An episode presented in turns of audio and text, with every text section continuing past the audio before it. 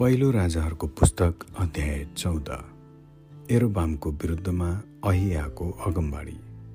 त्यसबेला एरोबामको छोरो अबिया बिरामी भयो र एरोबामले आफ्नी पत्नीलाई भने तिमी एरोबामकी पत्नी हो भने मानिसहरूले नचिन्नलाई तिम्रो भेष बदली गर। तब सिलोमा जाऊ। मलाई यी मानिसहरूमाथि राजा हुनेछौ भन्ने अहिया अगमवक्ता त्यहाँ छन्।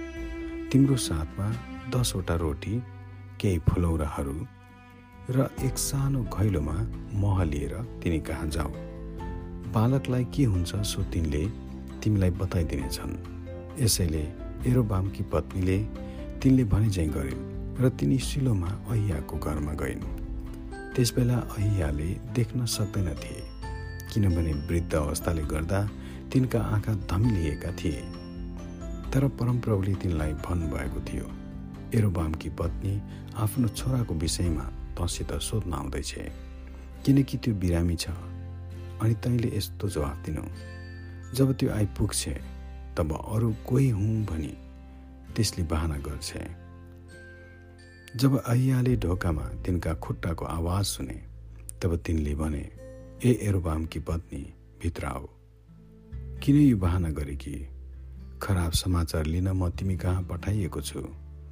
गएर एरोबामलाई भन। परमप्रभु इजरायलका परमेश्वर यसो भन्नुहुन्छ। मैले तँलाई मानिसहरूबाट खडा गरेँ र मेरा प्रजा इजरायलमाथि एउटा अगुवा तुल्याएँ। मैले दाउदको घरानादेखि राज्य खोसेर तँलाई दिएँ। तर त चाहिँ मेरो दास दाउद जस्तै भएको छैनस्। जसले मेरो दृष्टिमा जे असल छ त्यही मात्रै गर्दै मेरा आज्ञा पालन गर्यो र आफ्नो सारा हृदयले मलाई पछ्यायो। तँभन्दा अघि बाँचेकाहरू सबैभन्दा अझ बढी तैँले दुष्ट काम गरेको छस्। तैँले आफ्नो निम्ति अरू देवताहरू ढालेर बनाएका धातुका मूर्तिहरू बनाएर तैँले मलाई रिस उठाएको छस् र मलाई तेरो पीठपछि राखेको छस्। यसै कारण म एरोबामको घरनामाथि सर्वनाश ल्याउनेछु। म इजरायलमा भएको एरोबामका घरानाको हरेक पुरुष कमारा वा फुक्का दुवैलाई खत्तम पारिदिनेछु। त्यो खत्तम नहुन्जेल एरोबामको घरानालाई गोबर जलाए चाहिँ म जलाइदिनेछु। एरोबामको घरानाका सहरहरूमा मर्नेहरूलाई चाहिँ कुकुरहरूले खानेछन् र वनमा मर्नेहरू चाहिँ आकाशका पक्षीहरूले खानेछन् परमप्रभुले भन्नुभएको छ। तिमी चाहिँ अब घर फर्केर जाऊ। जब तिमीले आफ्नो सहरमा पाइला हाल्नेछौ तब त्यो बालक मर्नेछ। त्यसको निम्ति सबै इजरायलले विलाप गरेर त्यसलाई गाड्नेछन् किनभने परमप्रभु इजरायलका परमेश्वरले त्यसमा मात्रै केही असल कुरो भेटाउनु भएकोले एरोबामको घरानामा त्यो मात्र गाडिनेछ। परमप्रभुले इजरायलमाथि एकजना राजा खडा गर्नुहुनेछ जसले एरोबामको घरानालाई बहिष्कृत पार्नेछ। त्यो दिन आजै हो। हो अहिले नै हो। पानीमा निगालो यताउता हल्लै झैँ परमप्रभुले इजरायललाई त्यस्तै हल्लने गरी हिर्काउनुहुनेछ। तिनीहरूका पिता पुर्खाहरूलाई दिनुभएको यस असल देशबाट उहाँले इजरायललाई चरै समेत उखल्नुहुनेछ र तिनीहरूलाई युफ्रेटिस नदी पारी तितर बितर पार्नुहुनेछ किनभने तिनीहरूले असेराका मूर्तिहरू बनाएर परमप्रभुलाई रिस उठाए। अनि एरोबामले गरेका र इजरायललाई गर्न लागेका पापहरूको कारण उहाँले इजरायललाई त्याग्नुहुनेछ। तब एरोबामकी पत्नी उठिन् र तिर्सामा गइन्।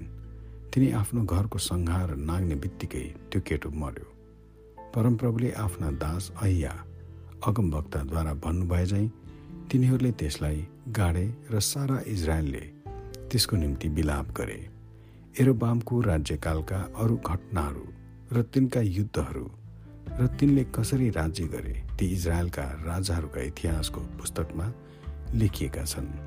तिनले बाइस वर्ष राज्य गरे र त्यसपछि तिनी आफ्ना पितृहरूसँग सिते अनि तिनीपछि तिनका छोरा नादाब राजा भए। यहुदाका राजा रहबाम सोलोमनका छोरा रहबामले यहुदामा राज्य गरे। तिनी एकचालिस वर्षको उमेरमा राजा भए। इजरायलका सबै कुलबाट आफ्नो नाउँ राख्नलाई परमप्रभुले चुन्नुभएको सहर एरुसलेममा तिनले सत्र वर्ष राज्य गरे। तिनकी आमाको नाउँ नामा थियो। तिनी एक अम्मोनी थिइन्। परमप्रभुको दृष्टिमा जे कुरा खराब थियो त्यही यहुदाले गरे। तिनीहरूका पिता पुर्खाहरूले गरेका पापहरू भन्दा बढी पाप गरेर तिनीहरूले उहाँलाई क्रोधित तुल्याए। तिनीहरूले आफ्ना निम्ति पूजा गर्नलाई डाँडाका थानहरू चोखा ढुङ्गाहरू र असेरा देवीका मूर्तिहरू हरेक अग्लो डाँडामा र झ्याममा परेको हरेक रुखमुनि खडा गरे। देशमा पुरुष वेश्याहरू पनि थिए।